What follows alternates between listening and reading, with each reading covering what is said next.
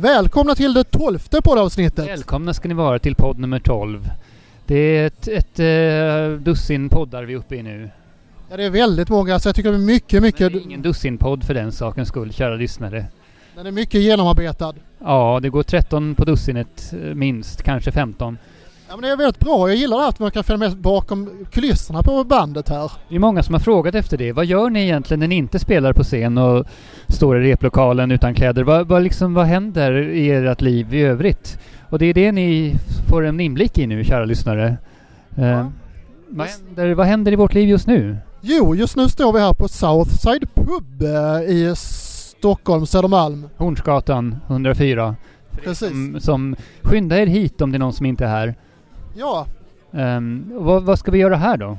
jo, vi ska gå på scenen här klockan 21 så att vår fanskara, vår underbara fanskara har till stor del anlänt. Som vi hade lurat hit då redan en timme för tidigt med förespeglingen att vi skulle börja klockan åtta men, Ja. men så blev ju inte fallet på grund av diverse familjeangelägenheter i andra band. Ja, det är lite tragiskt det där att man nu får en tid, man säger en tid, man har ställt in sig på det. Men vi, vi fick en valmöjlighet ska jag tillägga. Ja, det är klart. Vi hade kunnat vara hårda och säga att vi ska spela klockan åtta men nu är vi ju vänliga själar som gärna hjälper våra med, medmusikanter. Så att, ehm, ja, vi klev åt sidan helt enkelt.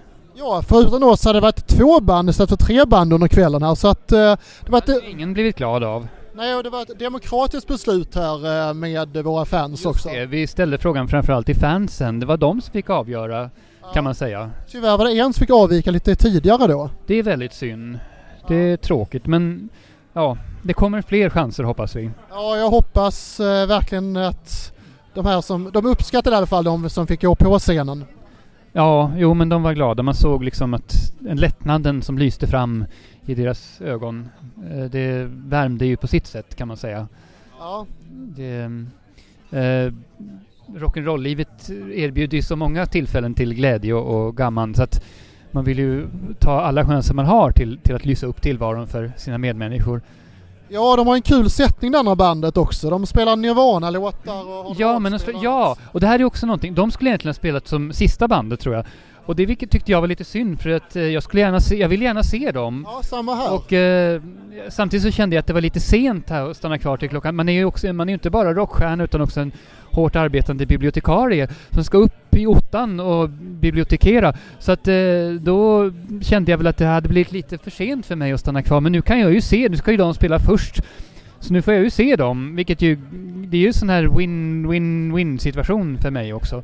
Jag håller med. Jag var också nyfiken på dem efter att ha tittat på Soundcloud-profil och YouTube-inspelningar. Att de spelar Nirvana-låtar med fiol och dragspel och vad de nu hade. Banjo. americana-covers eh, på kända låtar tror jag med ett stänk av svensk folktradition.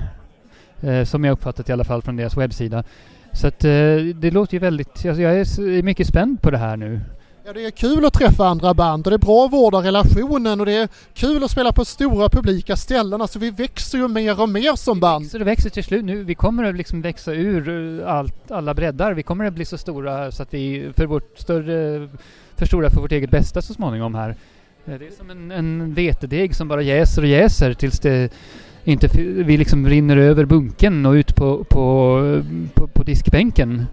Det är så det känns, eller vad säger du? Jo, absolut. Eh, Det känns... Någon typ av, av eh, bakplåtspapper eller någonting? Ja, alltså det smetar ut rejält och det, man kan ju behöva torka av sig svetten Ja, också. det är precis. Det smetar rejält här i Ja. rockbranschen. Ja, publiken undrar ju vad, vad förväntas vi göra? Ja, de får gärna uppföra någon liten dans kanske eller eh, spontana ut, spontan utlevelse, spontan livsglädje är ju sånt vi uppmuntrar till. Ja. Eh, extas, kanske någon som Ja. börjar tala i tungor, kanske någon som börjar liksom rusa omkring helt okontrollerat. Det är lite trångt där nere så det får ju ske lite, på lite begränsad skala men, men eh, alla typer av, av ehm, eh, utlevelse är ju påbjudet i det här fallet. Absolut, och det är många som har kommit. Alltså vi har tagit ett av de större borden här på Southside och där sitter alltså, Största, ja, och där sitter alltså vår publik och delar våra av bandet. Och Vi får inte längre plats vid bordet. Nej precis, exakt. Vi får inte, det är helt fullt där nu. Vi kan inte ens återvända till band, bandbordet för att det, det är fullt av, av fans och av halva bandet nu då som sitter där.